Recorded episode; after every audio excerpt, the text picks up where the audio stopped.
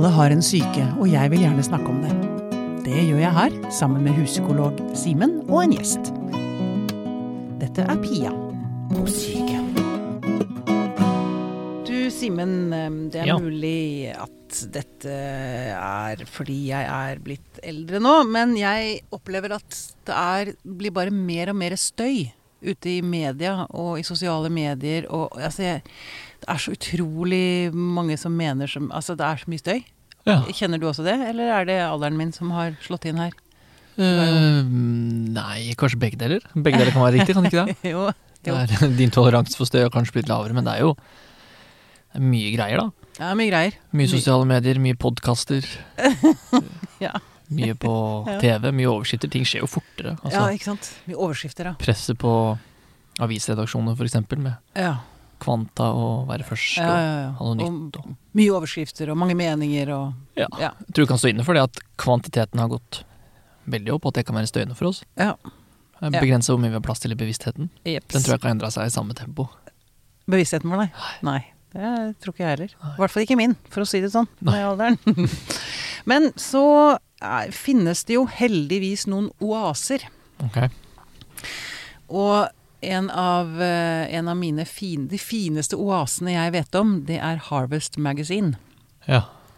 Og nå er vi så heldige å ha fått en av de fire som står bak det nettmagasinet i studio. Velkommen hit, Kjetil Østli.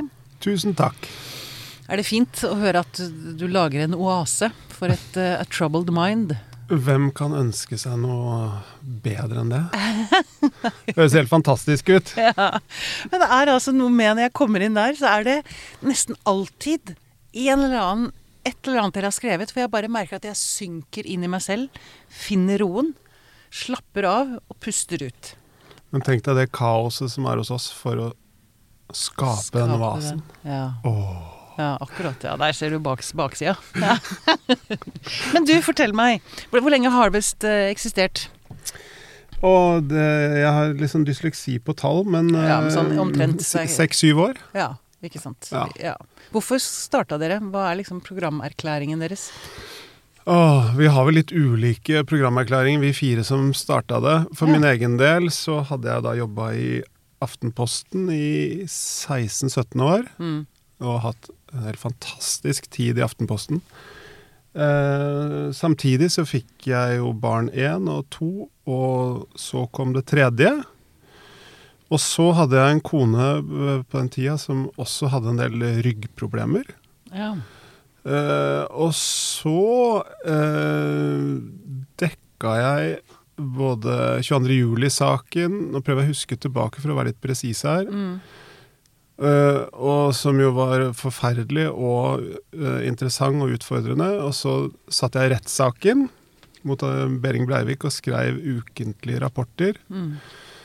Eh, og så ble det liksom i sum eh, litt sånn Åh, nå var jeg sliten. Mm. Aktiv følelse. Og sånn stått opp altfor Dårlig søvn i år etter år. Mm, mm. Eh, og så parallelt så hadde vi jo eh, et par venner og jeg hadde ganske lenge snakka om tenk å lage sånn der litt sånn moderne naturmagasin. Ja. Å, det hadde vært så fint. Så det var liksom en drøm som eh, ble snakka om litt på fest eller på turer. Mm. Eh, og så plutselig, i det samme momentet som jeg snakker om her, så var det en som sa ja, men kan vi ikke bare prøve? Mm. Eh, og så ja, falt liksom Jeg skal ikke si at brikkene falt på plass, men det var bare en sånn Ja, det var en alder hvor jeg tenkte skal jeg gjøre noe annet, så må det være nå. ja. Mm. Så da tok jeg sluttpakke i Aftenposten, og så bare forsøkte vi. Og så har det gått bra. Så har det gått bra. Ja. Eh, vi har nesten 4000 betalende abonnenter. eh, Jeg er en av dem. Og du er en av dem. Og det er eh, Nei, det er, det er Og ingen investorer, på en måte. Så det er, det er vi er kjempestolte over akkurat det, altså. Ja, det er veldig, Fantastisk. veldig, veldig gøy. Um, tenker du at det er mye støy i media? Opplever du det? Er- Tenker dere på det? At dere har lyst til å være en motvekt på en eller annen måte? Ja, vi eh, Du spurte om programerklæring. Altså, vi hadde jo For å ta det først. Vi hadde jo en sånn ønske om å prøve å å og da prøve å være en motvekt til alt mulig. Mm. Om det var motvekt til måten vi brukte tida på, motvekt om hvordan vi behandler natur på. Uh, skape en sånn uh, Ja, kanskje en sånn relasjon, litt sånn romantisk relasjon til natur, men eh, men en litt sånn glemt relasjon kan man, Ja. kunne vi da påstå, husker jeg. Sånn at Glemt relasjon, ja. ja, men litt sånn at uh, vi satt jo sjøl i både Når vi jobba masse, masse overtid, spennende oppdrag, småbarn hjemme, uh, venner, ekteskap, alt sånn, og så tenkte vi sånn Men hvor ble det av Mhm. Hvor ble det av det der, den lengselen, liksom? Eller lengselen var der. Ja, men hvor ble, av- ble turen av, liksom? Ja, hvor ble Mm. turer av? Hvor ble de opplevelsene av? Så det lå som et sånn bakteppe. Ja. Så det kan godt være en sånn veldig tidlig 40-årskrise, kan man jo tulle med og alt det der, men den var reell, da. Ja. Uh, en protest, da, som er eh, mye av drivkraften, eh, høres ut som, til uh, livsførselen som man eh, havnet inn i, og ting som man jo oppsøkte sjøl også, men det ble, ble mye. Du, ja. Ja. Det er interessant, den derre For den protestfølelsen For den handla jo ikke egentlig om, for min egen del, hvordan andre skulle leve livet sitt. Den handla nesten utelukkende om hvordan jeg ja. skulle leve mitt liv. Mm. Ja. Og hvis jeg nå eh, Det ble ikke forkynnende på samme måte. Hæ? Det, det er ikke forkynnende på samme måte. Det skal ikke nødvendigvis måtte overtale noen eller gå aggressivt uh, ut. Så det er ikke en sånn protest. Sånn. Ikke for min egen del. For meg tror jeg nesten det var litt sånn eksistensielt for meg selv. Altså nå må jeg liksom Nå må jeg prøve å Nå har jeg levd Hvor gammel var jeg da? 35, kanskje? Når jeg begynte å sysle med de 36 år. Mhm. Var liksom uh, Prøve å ta litt tak, da. Mm. Og, og så er jeg jo jeg, jeg kan være ganske sånn uh, usentimental på, på sånn å bryte opp og gjøre noe annet. Altså Vi er jo alle styrt av vaner, men eh, det bekymrer meg ikke så mye å prøve noe nytt. Nei. Selv om du er, du er jo ikke altså, 17 år i Aftenposten, så Nei, men det var så gøy. Ja, akkurat. Ja. Uh, så Ja. Så, men, eh, men jo, det, kanskje det lå en liten protest i det, men kanskje mest av alt på mitt eget liv. Mm. Mm. Mm. Ja. Mm. Og nå lever du rett og slett av nesten å dra på tur? Nei, eh, fordi at eh, Harvest har utvikla seg ganske mye, så, så natur og naturvern og klimasaken er jo viktige bærebjelker. Mm. Det skal ligge der, men vi prøver jo å formidle de tingene som liksom er som også nå med Glasgow-toppmøtet og Det ligger der jo hele tida. Mm. Og hvis man da liksom bruker de ordene sånn klima, klima, naturmangfold, naturmangfold, så er det på en måte sånn Det er som om du mister Altså, hva, det blir som bare abstraksjoner. Ja. Så vi har prøvd å skrive eller lage saker som handler om dette på en litt mer indirekte måte. Så dermed er det ikke sånn bare å gå ut på tur, Nei. Men vi breier ut det feltet, da. Mm. Uh, Så det kan være menneskenatur er også Mm. blitt en veldig viktig del av Harvest. Mm. Mm. Em, så har dere hatt, eller du har vel hatt en serie om det, og det er egentlig derfor jeg, som jeg sa til deg før, jeg har jo hatt lyst til å ha deg her lenge, men nå var det en serie dere hadde som fanget meg veldig, som gikk på mørke og søvn og pust. Der har dere en rekke, rekke saker du har skrevet, og du har selv eksperimentert litt hjemme, har jeg skjønt. Masse. Med masse. ok. I love it. Mm, men for, la oss begynne med mørket. For det har jeg tenkt egentlig i mange år. Man sier sånn eh, Hva skulle vi gjort uten lyset? Ikke sant? Mens jeg er mer sånn Hva faen skulle jeg gjort uten mørket? Altså, jeg elsker mørket. Jeg er sånn som når jeg våkner midt på natta og må på tisse eller drikke vann og sånn, så skrur jeg aldri på lyset. Elsker å operere i mørket. Det er Det blir en helt egen verden. Og, og, og man bruker helt andre sanser på en eller annen måte. Du, du famle seg frem. Det er utrolig fint. Eh, du også, kjenner du igjen det der? Jeg tror det var kanskje derfor at jeg syns eh, Altså, det er en av de artiklene, den du snakker primært om nå, det er jo 'Waking Up to the Dark' Mm. av Clark Strand. En veldig rar, vakker, liten bok Mm. om mørket. Som rett og slett handler om 'la oss omfavne mørket'. Og jeg er nok, var nok litt motsatt, tror jeg. Altså jeg eh, Når jeg kom hjem så på, nå i ettermiddag Jeg skrur på lysene, eller jeg har skrudd på lysene. Ja. Eh, TV-en har ikke stått på noe særlig hjemme hos oss. eh, det er ikke sånn, men lysene har vært evig på, Mm. har jeg en følelse av. Mm. Og da når du leser en bok om en som sett, lager en slags kulturhistorie om at vi tidlig på 1900-tallet, med glødelampa og Mm. Edison og det elektrisiteten og sånn, begynte egentlig bare å lyssette tilværelsen. Mm. Og når du får den historien der, og du skjønner at du er en del av det, Mm. at ja, jeg gjør jo det. Eh, og når kvelden kommer, når på en måte Hvis du skulle fulgt eh, liksom døgnrytmen, altså solens rytme, Mm. som jo menneske og dyr er en del av, så skulle man jo egentlig ha skrudd ned lysene, ikke sant? Mm. Og så slår det meg at her er det jo flomlys øh, på. Og jeg leser boka, ser bare lys etter lys etter lys i andre hus, Ja. Gata. Gata, gata. Mm. eh, ikke sant? Ledd. Ja, og Mac-en som har en sleep mode som bare trenger et lite tastetrykk, Så er, så er den våken. fullt opplyst igjen. Ja, Mm, og, mm. og da ble jeg litt truffet. Mm. Og det, ja. eh, og, Må jeg si. Ja, og det jeg synes det var så det, Der ble jeg også sugd inn. Det er det dere er så gode på. Suge inn i andre verdener. Men han som, da han, eh, forfatteren skrev om da lyset kom til denne lille fjellandsbyen, og de bare What the fuck? Mm. Ork, dette går jo ikke. Vi kan ikke leve sånn. Vi kan ikke ha dette sterke lyset på oss. Mm. Og han hadde jo, på en eller annen, altså han hadde jo helt rett, men vi er så vant til det at vi ser det liksom ikke. Mhm. Det, er, det er jo hans påstand at det er Verden er så opplyst at vi ikke legger merke til at at dette er et stimuli sterkere enn liksom nikotin, Mm. koffein, Mm. Uh, andre rusmidler. Mm. Vi bare det, Vi er liksom født inn i det. Eh, så Hans prøver jo å lage en sånn slags oppvåkningstekst. Eh, hvor han vil bare at vi skal skjønne det, at det fantes en tid før dette. Ja, ja. Men så sier han jo at de folk, det er mange folk som liksom har prøvd å skru av lysene, og de Eller altså få ned lysene totalt, liksom.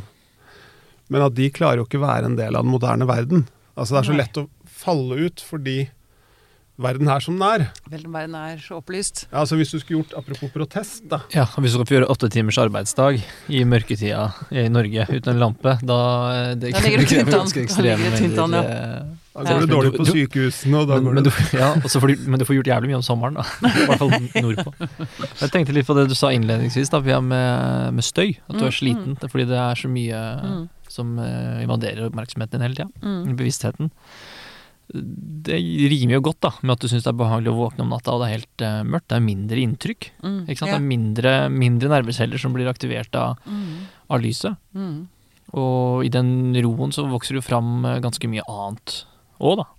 På- Ikke sant. På godt og vondt. Jeg har mange pasienter som har beskrevet for meg hvordan de ligger og scroller til de, eh, til de sovner, eller ligger og ser Mm. på TV til de sovner, nettopp fordi med mørket så eh, forsvinner distraksjonene. Ja.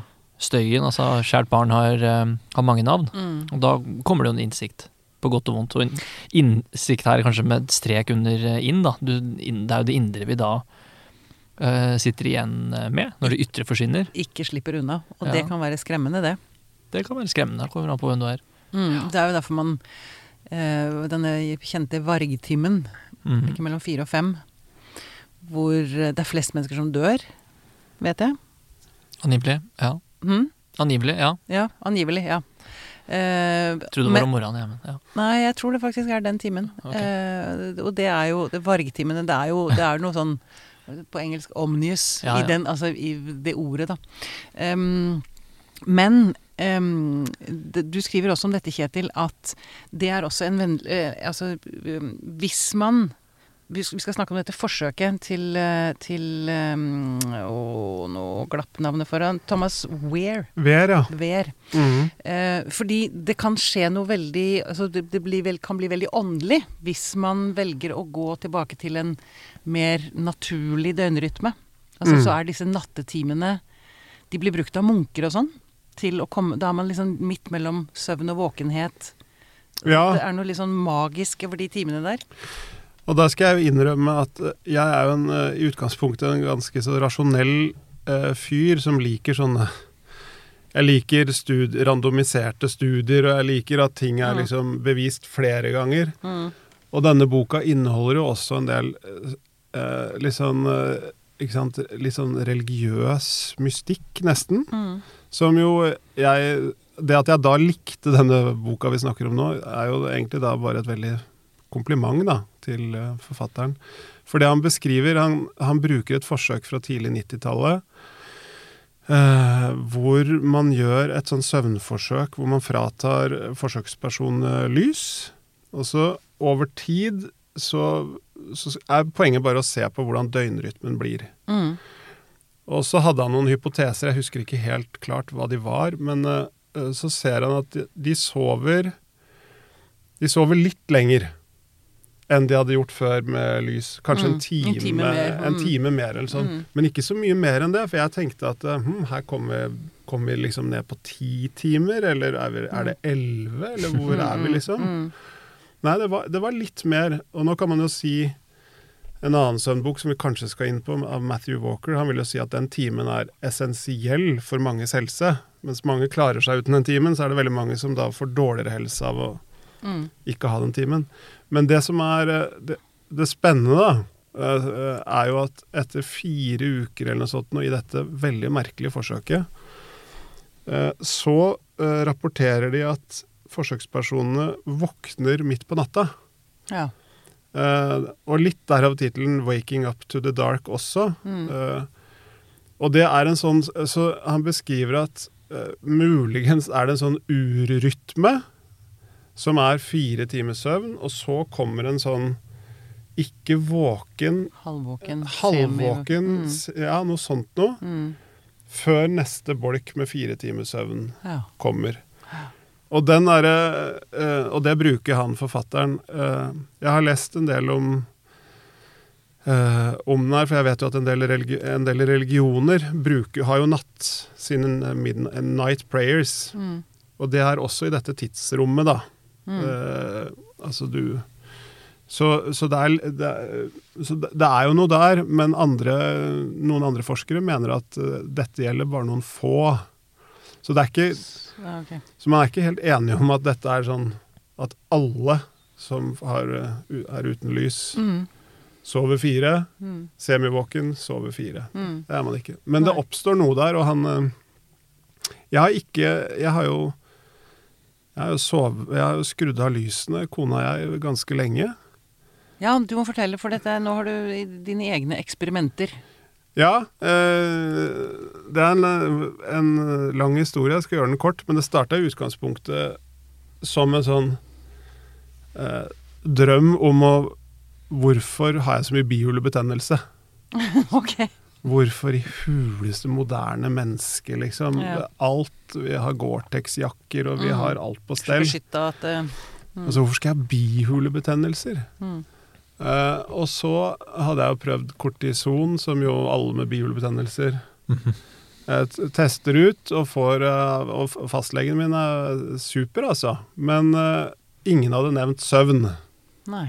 Så i disse årene hvor det var sånn stadig tilbakevendende sånn Å, tett nese. Å ja, bihulebetennelse.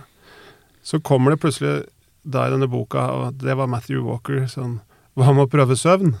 Ja. Hva med å prøve å legge deg Ikke sitt på Mac-en når klokka er 11-12. Mm. Hvis du øh, strever med noe, hva med å legge deg? Og så med en sånn, hvordan skal jeg, skal jeg bare legge meg? Jeg har alltid jobba seint, lest seint, Mm. Sett serier seint. Eh, og så måtte vi skru av lyset. ja, og da skrudde dere av alt lyset, liksom? Ja, og dette må jeg Jeg håper ikke barna noen gang hører dette, for dette er jo øh, også et prosjekt for å få dem til å bli søvnige. Ja. Eh, fordi det er det å ha Altså, det er strålende å ha dem rundt seg, men det er jo kjempedeilig når de sovner. Og så tenkte jeg, hvis han Matthew Walker bare har rett i 10 Ja. Så blir jo de eh, søvnige også, at det er veldig dempa belysning hjemme hos oss. Mm. Eh, Men hva, altså faktisk, du demmer, dimmer ned lysene, eller du har bare stearinlys, eller eh, Dimmer dere går ut med hodelykter, eller ja. nei, det er ikke eh, Eller går ut i mørket. Jeg har lest masse prosjekter, mange som har gjort lignende eksperimenter, så klart. Det høres jo veldig stort ut. Det, det sier noe om eh, hvilken tid vi lever i, og at det er sånn å, eksperiment og skru ned lysene. Ja. Men det er bare, altså du, istedenfor at du har på taklyset, ja, kanskje du har en leselampe i det ene hjørnet av stua ja, når eh, kvelden kommer. Uh, og så er det stearinlys alltid, da. Mm.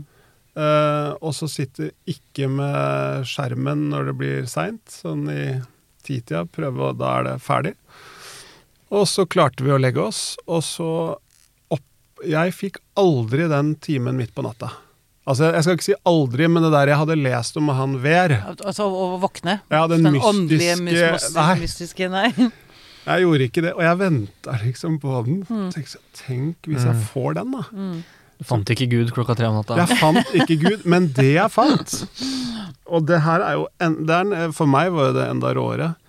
Jeg våkna jo før klokka for første gang eh, på 20 år. Ja. 25 år. Og det var ikke sånn én morgen, men det var liksom morgen etter morgen kunne jeg våkne før klokka. Og du var uthvilt. Jeg følte meg ikke fyllesyk. Altså, jeg, jeg har i perioder følt meg fyllesyk uten å ha drukket. Ja, ja. Fordi man så for lite, ja. Ja. Mm. Og jeg syns det var rusfylt, så derfor eh, Så det er på en måte liksom Det var da jeg tenkte at dette må jeg skrive om.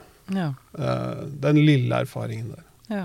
Så, Det ja, det var en lang historie. Og bihulene må, vi, må jeg ikke glemme. Nei, de er friske. Jeg har jo knapt eh, Jeg var jo til utredning, skulle opereres under korona. En veldig artig lege eller kirurg på Diakonhjemmet som tok bilder, og så Det var rett før koronaen starta. Og så sa han at men det her Det er jo ikke noe å operere her. Da, måtte jeg le, altså! Hva som er faktorene bak det, vet man jo ikke, men uh, Nei, men vi, jeg tenker Men- det er uh, søvn. Det, altså det å ta sånne grep, det er uh, Ja. Um, spør du noen gang dine pasienter om søvn, Simen? Ja. Så det er jo for det vet man jo, vet jo jeg også av erfaring, at ryker den, da er eh, da er det Det er kjipt, altså. Jeg er helt enig. Altså, søvn er eh, livsviktig. Mm. Det er viktig på mange steg før du kommer dit, men til slutt, altså til syvende og sist, i ytterste konsekvens, så dør vi jo uten søvn. Ja, og, først, og så blir vi psykotiske. Fire, er det ikke fire døgn? Ja, man, Det er noe man sier i hvert fall, ja. Det er Mm. litt forskjellig fra folk til folk, da, hvilke Mm. sårbarheter og disposisjoner du har. Mm. Men det begynner å Man begynner å se ting eh, da, eller høre ting, rundt en eh, tre-fire døgn. Ja. Kanskje før det også, hvis du har noen eh, Jeg kunne sannsynligvis kanskje det, da. Ja. Er litt mer sårbar. Kanskje du hører om det med folk på militærøvelse til spesialjegertropper og sånne ting, Mm, som kanskje mm. er totalt utmattet. De begynner jo å se og høre ting i, Mm. i altså psykotiske trekk av uh, Ja, det er ikke psyk nødvendigvis psykotiske trekk, men det er hallusinasjoner og opplevelser. Du sliter med Du kan kalle det åndelig, noen ville sikkert gjort det òg, da, men uh, Ja. Linjene mellom det virkelige og det uvirkelige blir jo Mm. vaska ut. Men til slutt så dør du. Rett og slett som alle andre pattedyr. Altså til og med delfiner i sånn um, gjørmeelver, Mm. i Induselva og sånn, Mm, de mm. eh, er veldig upraktisk for dem å sove, fordi de må hele tiden finmanøvrere for ikke å krasje i ting. De ser en, en halv meter eller noe sånt. Selv de sover Ja, mens de svømmer, akkurat. med én Men, hjernehalvdel. ja, men av alle, gangen. alle delfiner sover med annenhver uh, hjernehalvdel. Ja. Ikke sant? Det sier litt, da. Hvor viktig det er. Da mm. har evolusjonen virkelig jobba på høygir for å uh, få prioritert dette. Mm. Åkke som. Mm. Men jeg vet, altså det er, det er fascinerende, for det jeg vet er at man vet fortsatt ikke helt hvorfor vi sover. Nei, vi har ikke fasitsvar. Det er ikke noe, vi vet ikke all, all, all, all, Alle levende vesener gjør det. Ja. Det er jo eh, noen som vektlegger det å få rydda ut slagstoffer Mm. Av hjernen. gliacellene. mm. Mm. Og så er det jo en, en litt sånn, helt sånn basic teori som handler om at eh, når vi sover, så er vi ikke i fare. Større sjanse for at vi får uh, forplanta oss. Vi går ikke rundt og gjør eh, farlige ting. Det kan være én uh, faktor. Men altså, la oss ikke trekke det helt ut til det ekstreme, fordi folk eh, sover jo, men mange sover eh, for lite. Ja. Av mange grunner, og det er eh, Ja. Det fører med seg så mye dårlig, altså. Fysisk så vel som, eh, Psykisk. så vel som psykisk, ja. Ja. Det er bare et spørsmål den der med hallusinasjonen. Hva er det da Er det et filter som eh, holdt på å si, mellom virkelighet og innbilt virkelighet, eller hva er det eh, mekanistisk? Hva er det som gjør, kan gjøre det? Jeg veit ikke helt. Det kan jo tenkes at den rasjonelle delen av eh, hjernen din som vet hva som er ekte og hva som ikke er ekte, de mest eh, avanserte og krevende funksjonene helt framme i framelappen, i eh, pannelappen, uh, slutter å fungere like effektivt etter hvert. At de mer primitive, dyptliggende delene av, uh, av hjernen får litt friere spillerom. Så for Mm. frykter blir mer ekte, eksempel, eller Ja. noe du har fått hørt uh, foreslått tidligere. At du kanskje ser nettopp det. Det var en, en jeg snakket med i eh, som var på en sånn, hadde en sånn militær opplevelse. Da han hadde fått noen forslag om ting man kanskje kan se, som de har hørt er vanlige. Å ja. Og Det, det, er standard eh, hallusinasjoner, liksom? ja, og, men, Hva- jeg, men jeg lurer på om de- det er litt sånn forslagets kraft òg, da. At det er nettopp det du Ja. forventer, og så var det kanskje akkurat det som dukka opp. Men hva var det Mm. de så da? Var det sånne rare fabeldyr, eller hulder? Jeg skal ikke gå så Jeg går ikke så eksplisitt eh, til verks. Det får han uh, få lov å ha for seg sjøl. Det er ikke min historie. Nei, ok. Nei. Nei, det er greit.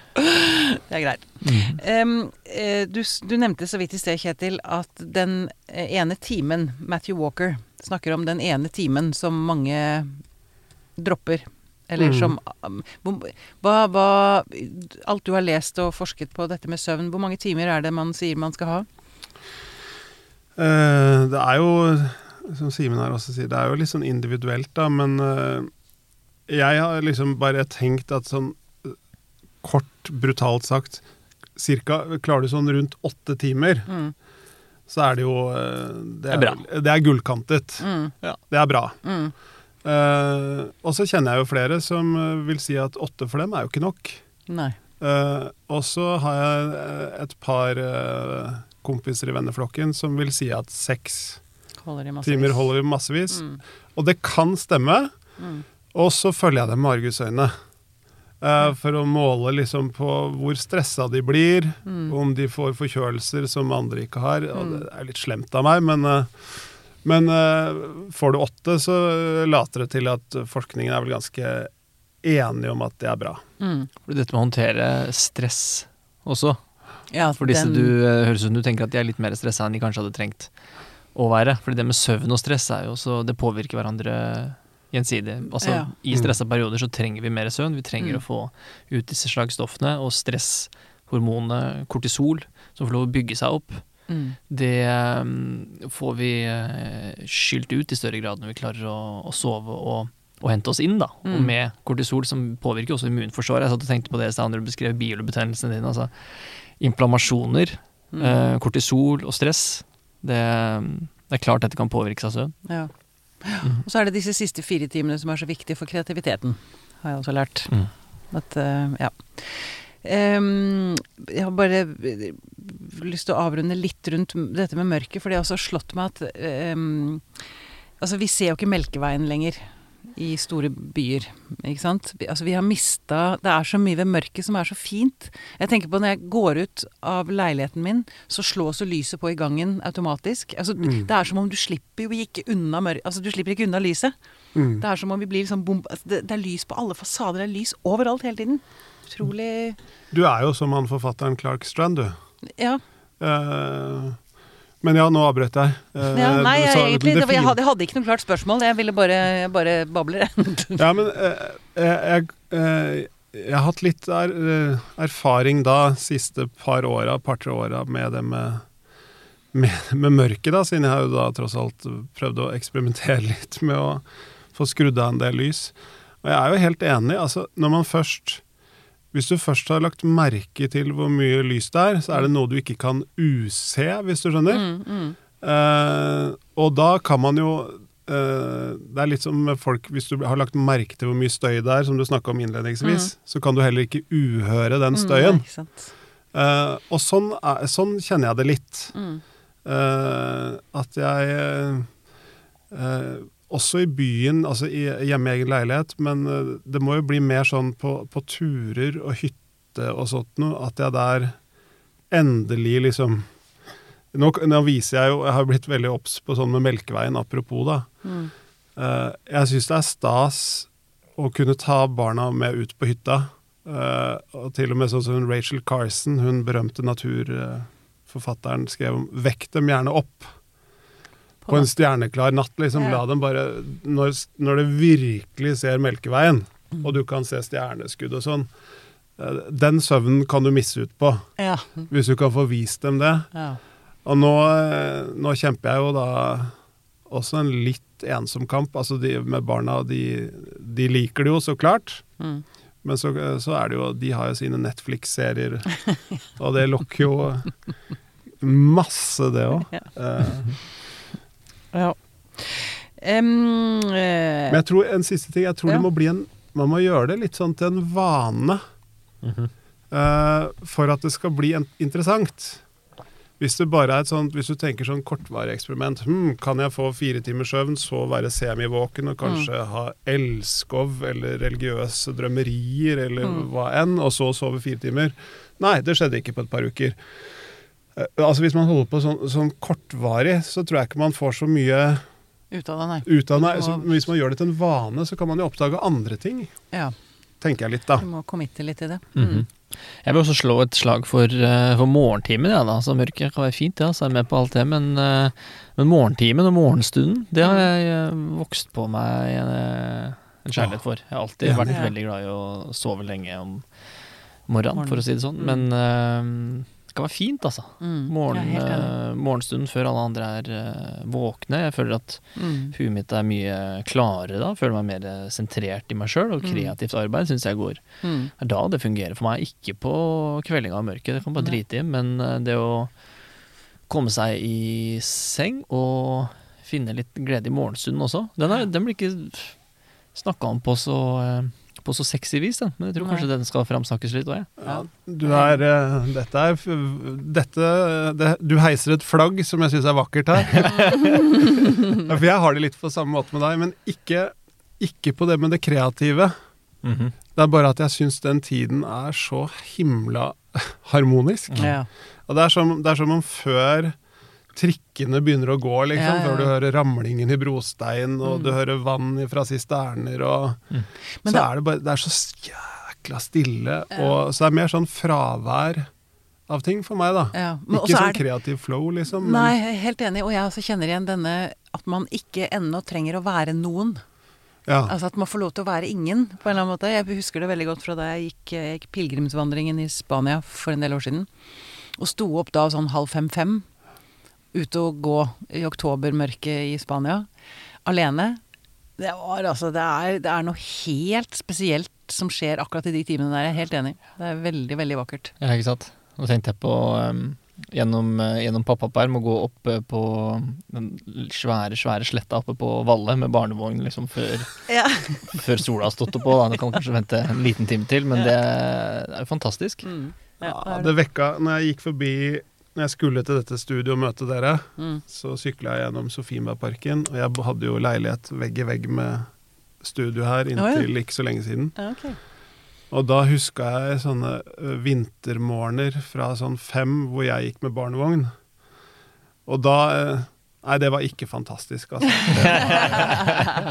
Det var motsatsen. brøytekanter og Ja, og mildes himmel, altså. Og så er det sånn Simen hadde jo fordelen av at det var på sommeren.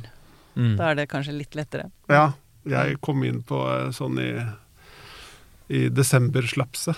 dårlig, dårlig timing. Ja. Jeg skulle tenkt på det før. Ja. Du har også skrevet om pusten. Mm. Um, en annen bokomtale om boka 'Breath The New Science of a Lost Art'. Mm. For vi tenker jo at puste, det kan vi jo. Men det kan vi slett ikke. Nei, han James Nestor, han Han mener jo det. Mm. Jeg må bare si til deg nå, som en Simen er fridykker. Han er norgesmester i fridykking. Jeg bare nevner det. Så du har en uh, pusteekspert med deg her. Dette, nå kan det bli gøy. ja, Nå kan det. livet endelig bli gøy, dere. Ah, mm. Jeg var så glad for at jeg ikke sa det før vi gikk i studio, at du fikk det på direkten. Ja, for det startet James Nestors pusteprosjekt starta jo Når han ble faktisk- født. Når han ble født. Nå begynner det. Nå begynner det å livne til i Ja, og det gjorde det. Og så kan vi si det fortsatte med, med styrke da han møtte fridykkere. Sier du det, ja? Mm. Han er uh, vitenskapsjournalist uh, bosatt i San Francisco, eller noe sånt, og så skulle han vel lage en svær reportasje på Eller den ble i hvert fall ganske stor om, om eh, fridykkere. Og så kom han til det prosjektet eh, med Apropos bihulebetennelser og astmatiker, tror jeg han var. Mye tett nese og generelt litt sånn uhelse på den journalisten. mm. Uh, og så la han merke til at disse fridykkerne de, eller de gjorde han vel oppmerksom på at de pusta med nesa, mens han hadde sånn En veldig stressa pust. Mm. Og så eh, skrev han denne artikkelen om hvordan er det mulig å holde pusten under vann i fem minutter, syv minutter eller elleve minutter, eller hvor lenge dere klarer det. Hvor lenge klarer du? Mm, eh, f- i, eh, et sted mellom fem og seks. Å, ja. Mm, mm. Ja. La oss ikke gå i detalj. Nei da, jeg er dypt imponert. Men så han klarte ikke la det emnet, emnet slippe, Mm. og mest fordi han hadde dårlig helse. Så han brukte han, ikke sant, Alle disse bøkene, som, eller flere av disse bøkene vi snakker om nå, tar jo også for seg liksom, mod, liksom moderne samfunns uhelse, men fra helt forskjellige vinkler. Mm. Og for han så var det sånn respirasjonsproblemer, eh, astma, dårlige tenner, til og med. Mm. Og så begynte han å eh, gå inn i feltet på alvor. Han har brukt ti år, tror jeg, eh, på å hatt det som sånn Con Amore-prosjekt. da. Eh, og kom fram til at hvordan i alle dager endte moderne mennesker opp som munnpustere? Ja. Vi er jo egentlig skapt til å puste med nesa. Mm. Munnpust er liksom, uh, ifølge han da, det er uh, reserve, reserveløsningen, Mm. Uh, ikke hovedløsningen. Mm. Eh, Mhm. så, så han Han Den boka eh, traff meg jo ganske mye der nå, også fordi jeg da, litt apropos de bihulene, Mm. Ja, ja. da har, sliter man jo med tett nese. Mm. Uh, og nå var jo det blitt mye bedre allerede, men jeg syns det bare var også gøy. Det var en slags forlengelse av de forrige greiene jeg holdt på med. Mm. Uh, og så hadde jeg én veldig artig opplevelse i sommerland i Bø, som ble helt sånn forferdelig kald. Det kom en sånn plutselig styrtregn og nordavind. eh, og da hadde jeg kvelden før lest en av de ja, veldig sånn kjent pusteteknikk. Hyperventilering, rett Ja, og det er slett. Wim Hof. eh, Ja, det er en variant av det, tror jeg. Mm, mm. Husker ikke helt detaljene. Og så fant jeg ut at eh, jeg syns jo det er gøy å teste sånn. Sto jeg det sånne, eh, sånne vanskelige tårn og hakka tenner, altså så det forferdelig kaldt. Og så bare gjorde jeg det der i et par-tre minutter. Mm. Og om det var innbilt eller ikke, spiller ikke noen stor rolle for meg, men jeg bare kjente sånn Jøss, det prikker i fingrene, jo. Ja. Eh, Inn øverst på trappa i tårnet der, liksom? Ja, ja. I, I det tårnet vi sto i en evig lang kø opp til en av skliene øverst der, så du var så eksponert for kald vind i tillegg. Ja. Uh, og det, jeg syns jo det var så gøy. Eh, og igjen, jeg, er ganske, jeg tror jeg er ganske sånn edruelig i forhold til sånne opplevelser. Det er ikke sånn jeg skriker det ut på torget sånn at 'dette skal gjøre', og 'dette er magisk'. Men eh, i hvert fall den opplevelsen hadde gjorde at Nei, men det her vil jeg se nærmere på, da. Mm. Du er ikke redd for å svime av, eller? eller bli svimmel? Det hørtes ut som et dumt sted å begynne å eksperimentere med hyperventilering øverst på et sånt Toppen var desperat, mann. Når vinden liksom slår øverst i et tårn. Det høres ut som du kunne Det sånn både svimt av trynet, men det gikk 45 år mann falt ned fra vanskelige tårn pga. Hadde lest om Wim Hof Hadde dagen du lest om pusteteknikk? Nei, jeg var vel eh, jeg tok det vel ikke så langt som eh, en del av hans disipler. Men eh, Nei, på, eh, hvert fall han opps, hans prosjekt oppsummert er jo prøv, å prøve å finne metoder for å, å puste med nesa. Og å puste roligere. Og puste roligere. Ikke, ikke ha, vi har vel åtte-ti pust i minuttet, men han vil ha oss ned til fem, eller noe sånt nå? Fem, fem, fem og et halvt sekund inn og fem og et halvt sekund ut. Ja, han mener at det er det perfekte pust, Mm. men eh, åtte til ti tror jeg det er få. Det er vel eh, Da puster du relativt rolig. Jeg oh, ja. tror normaliteten ligger mellom 10 og 20 oh, ja, ok. Okay. Da husker jeg feil. Hmm. Uh, ja, nå, Ja, det er ikke så farlig. Det Men kan, i hvert man fall- kan begynne å telle. ja, det er gøy å telle. Sånne ting også er gøy å telle. Hvis du bare setter på klokka og eh, prøver å ikke jukse, Mm. og så, bare, og så ser du litt hvor du ligger da. Mm. Er, du, er du veldig bevisst på pusten din, Simen? Selv om du ikke fridykker så mye nå om dagen? Uh, ja, det vil jeg si.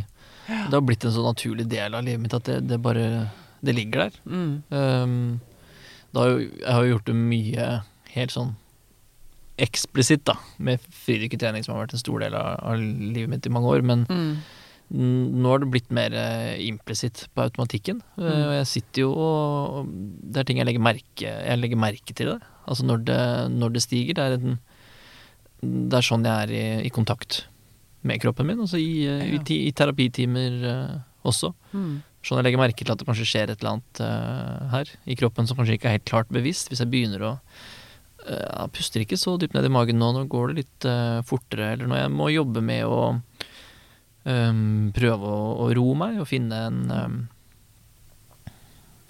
Finne en større ro i meg for å lage en større ro i, i rommet for å tenke klart, så vil jeg jo aktivt prøve å, å styre det saktere. Så det er Mm. både en slags, eh, et slags signalsystem og en Se på det som en slags gass- og bremspedal da, Ja. til, eh, til nervesystemet, som Mm. jo for så vidt er automatisk. Det er litt Mm. vi får gjort med å styre det. Det kommer ofte ikke noe godt ut av å prøve å, å styre nervesystemet og nervøsitet, aktivering, som man kaller det. Mm.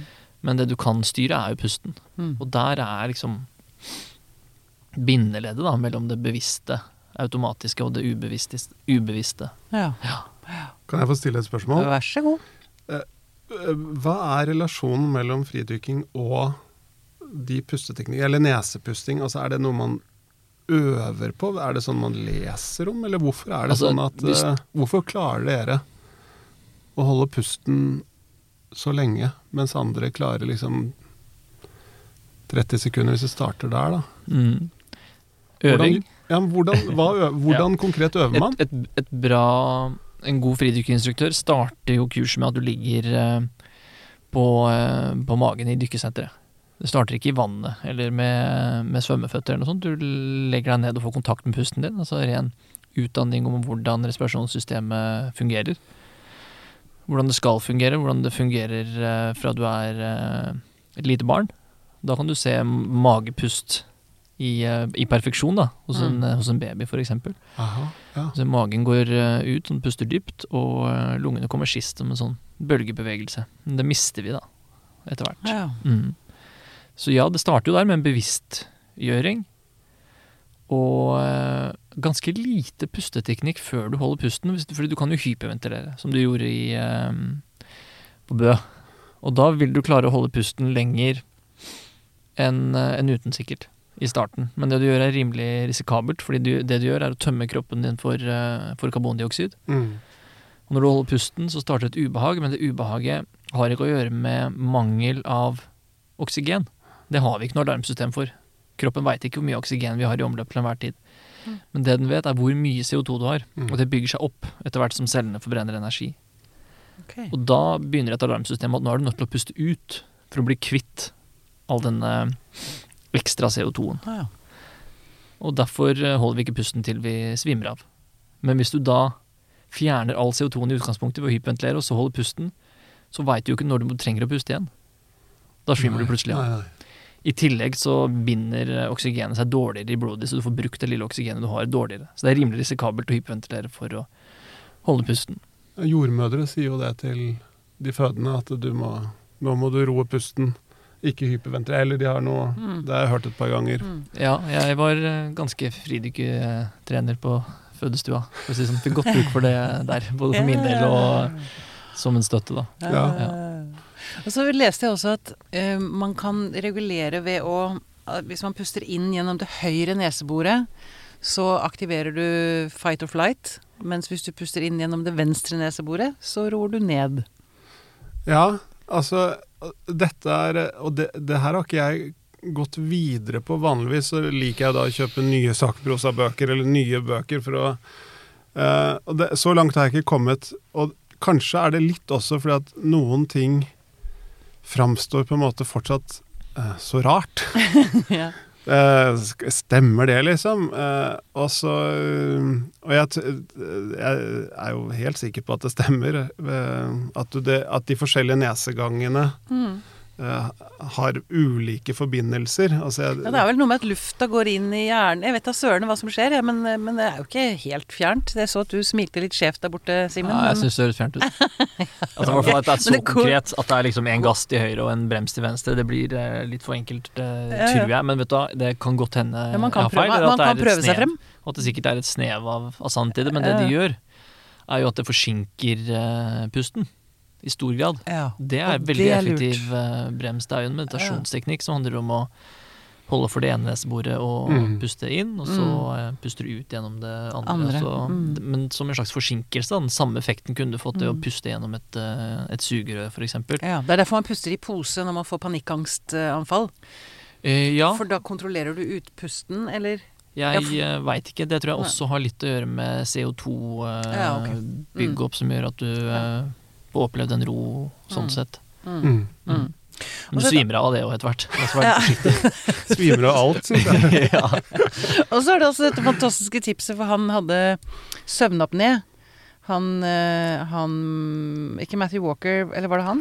Nei, Nei, det- nei det var Det tror jeg var Nestor, han som ja, skrev Nestor- Nestor, pusteboka. ja, ja. Men og et tips der er jo da å rett og slett teipe igjen munnen. Mm, satte en teipbit på munnen. Det har jeg også prøvd. mm. For å, Da tvinger du deg selv til å puste gjennom nesa. Ikke bruk gaffa, men du trenger bare en liten teipbit. Som en sånn. Ja. Du kan bruke kirurgisk teip, kjøpte jeg på apoteket for to dager siden.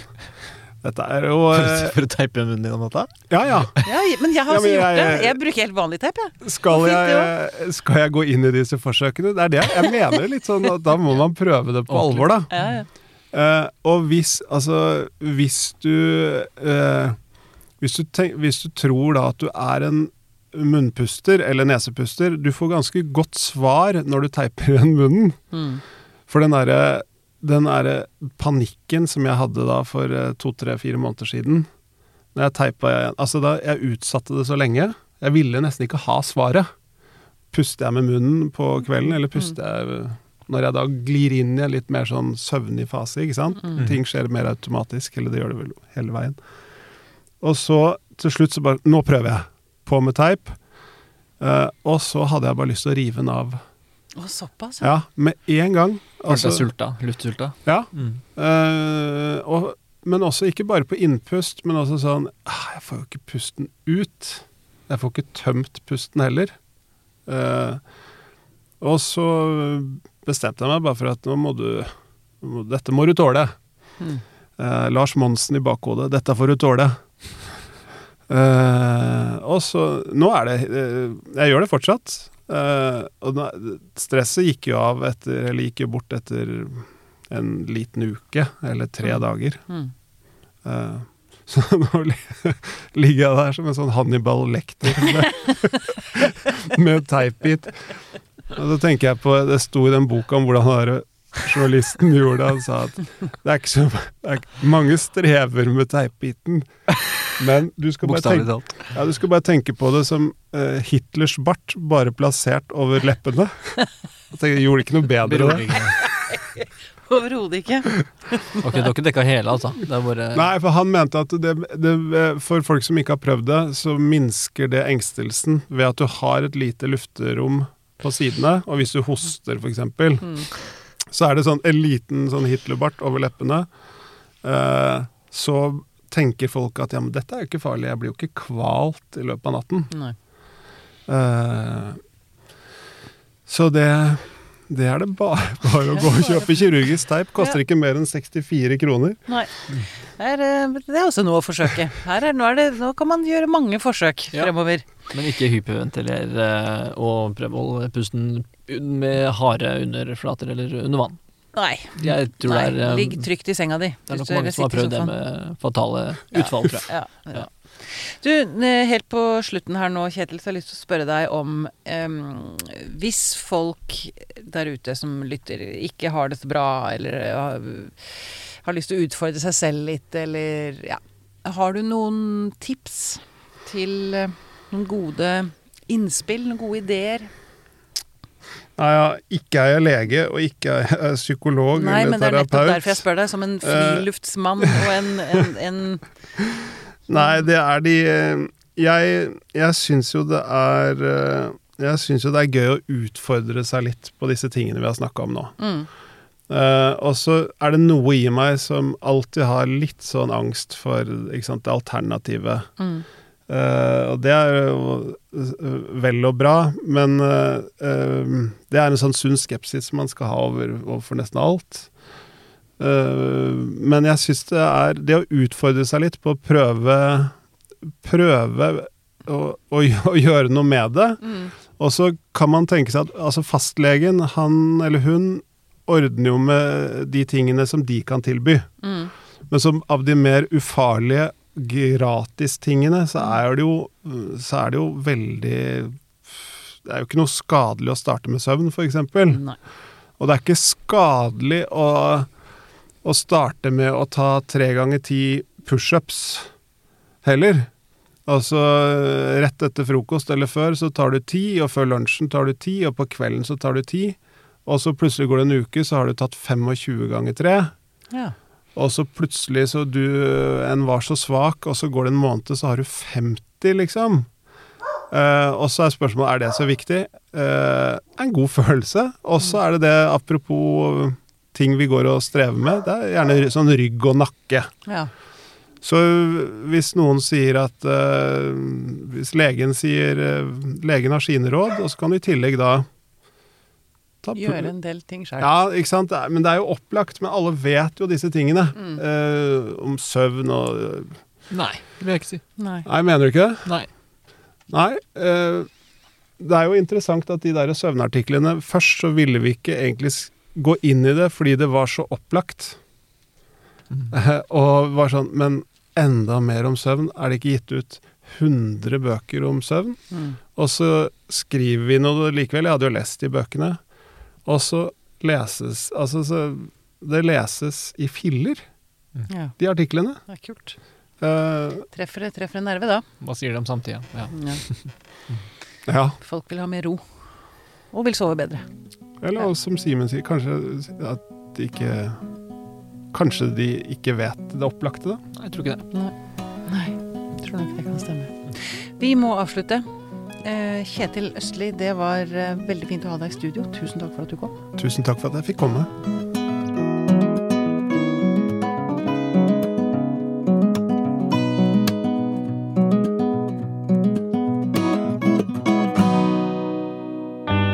Denne podkasten er produsert av Tid og list. Med støtte fra stiftelsen Kåre Berg.